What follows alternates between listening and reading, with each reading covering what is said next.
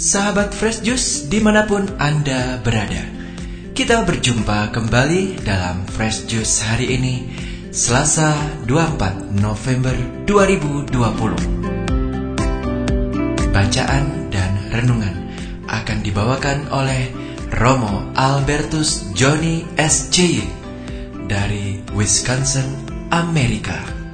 Selamat mendengarkan.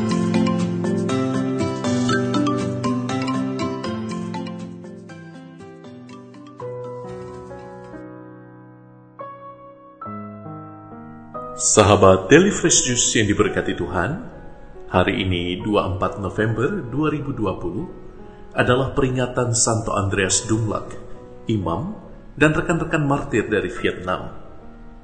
Saya Romo Albertus Joni SCY mengundangmu hari ini untuk masuk ke wilayah sabda yang menghidupkan.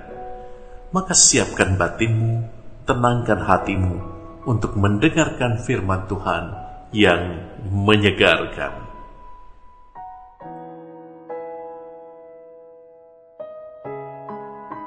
Inilah Injil Yesus Kristus menurut Lukas bab 21 ayat 5 sampai 11. Ketika beberapa orang berbicara tentang bait Allah dan mengagumi bangunan itu yang dihiasi dengan batu yang indah-indah dan dengan berbagai-bagai barang persembahan, berkatalah Yesus, "Apa yang kamu lihat di situ akan datang harinya di mana tidak ada satu batu pun akan dibiarkan terletak di atas batu yang lain. Semuanya akan diruntuhkan."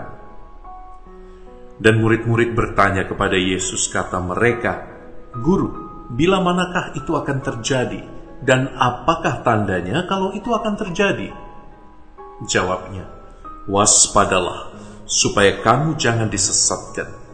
Sebab banyak orang akan datang dengan memakai namaku dan berkata, Akulah dia, dan saatnya sudah dekat.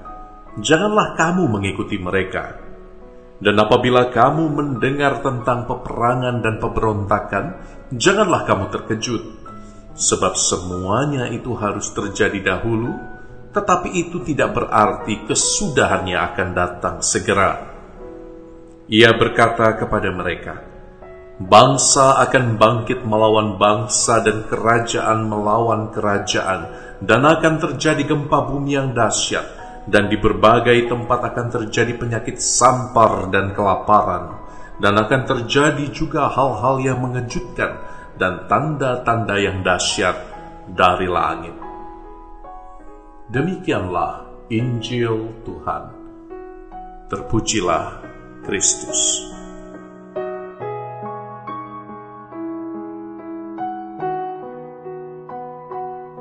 Sahabatku yang diberkati Tuhan, perikopa Injil yang baru saja kita dengar ini banyak sekali dikutip dan digunakan oleh banyak aliran protestanisme yang percaya bahwa akhir zaman sudah sangat dekat. Mungkin engkau pernah mendengar juga bahwa tanda-tanda zaman ini telah terjadi. Kata berbagai hamba Tuhan, COVID-19 ini buktinya Perang dunia pertama, kedua akan terjadi diulangi dalam perang dunia ketiga. Pemberontakan di mana-mana, nabi palsu di mana-mana. Lihatlah, makin banyak orang menghujat Tuhan. Lihatlah, langit akan terbelah dan kiamat akan segera datang. Kata mereka. Saya sih selalu tersenyum dengan beberapa anak-anak Tuhan yang gemar menjual iman dengan bumbu-bumbu ketakutan akan kiamat. Mereka lupa bahwa perikopa ini dibuka dengan konteks yang sangat khusus tentang bait Allah di Yerusalem. Ya, bait Allah di Yerusalem yang indah itu telah dihancurkan oleh pasukan Romawi pada tahun 70 Masehi atau sekitar 40-30 tahun setelah Yesus wafat dan bangkit. Nubuat Tuhan akan kehancuran bait Allah sudah digenapi. Namun demikian tetaplah kita memang harus peka dengan tanda-tanda zaman dan merefleksikannya dalam terang iman. Tidak cukup hanya melihat tanda zaman dengan mata rasional, dengan analisis sosial politik dan ekonomi. Dalam setiap tantangan zaman, pastilah ada nilai spiritual yang dapat kita pelajari bersama. Nah, bagi Romo, tanda-tanda zaman ini lebih dekat daripada gambaran tentang peperangan atau pemberontakan, tentang bencana, tentang kelaparan dan wabah penyakit. Lebih dekat dari itu. Tanda zaman yang paling mencolok saat ini adalah makin jauhnya kita satu sama lain, justru saat teknologi seolah membuat kita merasa sangat dekat. Paus Fransiskus dalam ensikliknya Tutti Fratelli, semua orang bersaudara, mengingatkan kita bahwa kita harus kembali menekankan perjumpaan yang nyata, perjumpaan daging ke daging, wajah ke wajah, Perjumpaan yang tidak dimediumkan oleh teknologi saja. Perjumpaan nyata, the real encounters, inilah yang akan membangun bait Allah di tengah masyarakat yang makin modern. Teman-teman, apakah kalian tahu cara kerja media sosial? Media sosial kita bekerja dalam prinsip like and dislike, suka dan tidak suka agar perusahaan seperti Twitter, YouTube, Instagram, dan Facebook mendapatkan keuntungan dari iklan, mereka menciptakan algoritma yang memilah dan memilih tema apa yang kita sukai. Itu sebabnya kita selalu mendapat suggestion atau usul tentang video, lagu, posting, dan berita yang kita sukai.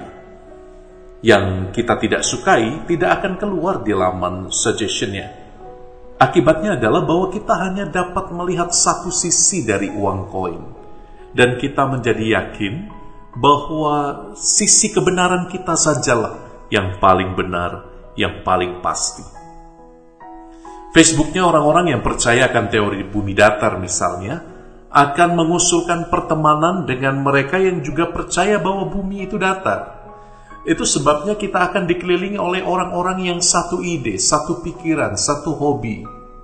Kita akan makin yakin bahwa bumi itu datar ketika hidup dalam lingkaran believersnya. Dan engkau tahu bahwa kita dapat mengganti subjek teori bumi datar ini dengan tema apa pun.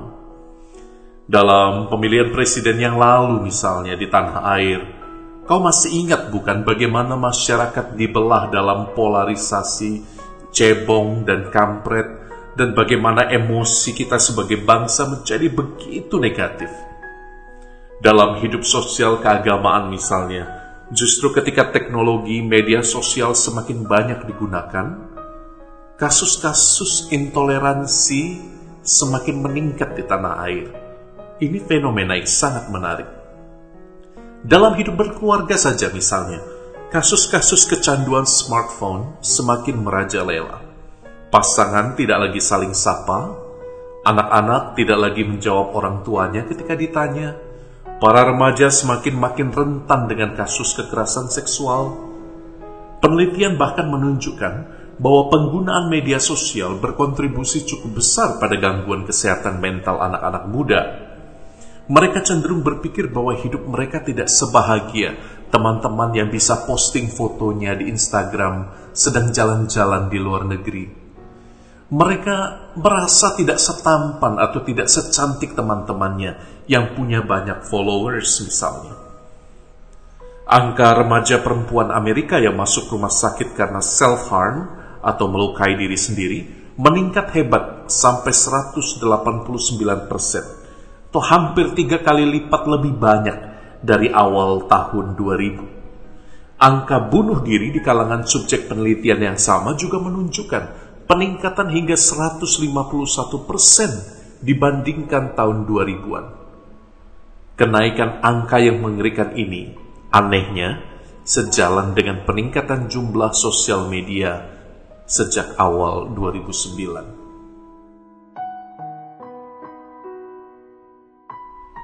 Bagi saya, sahabatku, kiamat itu jauh lebih dekat dari soal perang, soal kehancuran di belahan dunia yang asing. Kiamat telah dimulai saat kita gagal mengenali potensi kehancuran demokrasi, potensi kehancuran cara kita menjadi saudara dalam kemanusiaan yang dibawa oleh benda yang selalu kita kantongi. Kiamat menjadi dekat saat kita menjadi makin tidak bahagia dengan diri sendiri dan lalu mengambil banyak keputusan bodoh dalam hidup karena kita terlalu lama terpapar layar telepon yang disebut sebagai pintar. Ironis sekali. Teman-teman yang diberkati Tuhan, hari ini sabda Tuhan menegur kita semua, aku dan engkau. Apakah aku peka? Apakah aku cukup sensitif dengan semua tanda-tanda zaman di era modern ini? Apakah aku telah lupa cara menjadi manusia di zaman serba digital ini? Seberapa banyak aku bersama Roh Kudus memegang kendali atas hidupku? Seberapa banyak imanku pada Putra Allah yang hidup membantuku menjadi lebih manusiawi dengan semua teknologi yang kupakai, yang kukantongi setiap hari. Mari kita renungkan pertanyaan ini dan saya Romo Albertus John Yese memberkatimu sahabatku dengan berkat Allah yang menghidupkan, menguatkan dalam nama Bapa dan Putra dan Roh Kudus. Amin.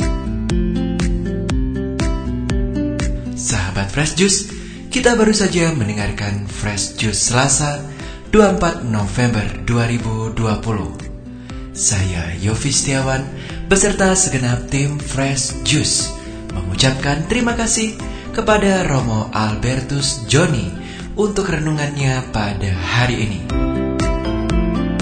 Sampai berjumpa kembali dalam Fresh Juice edisi selanjutnya.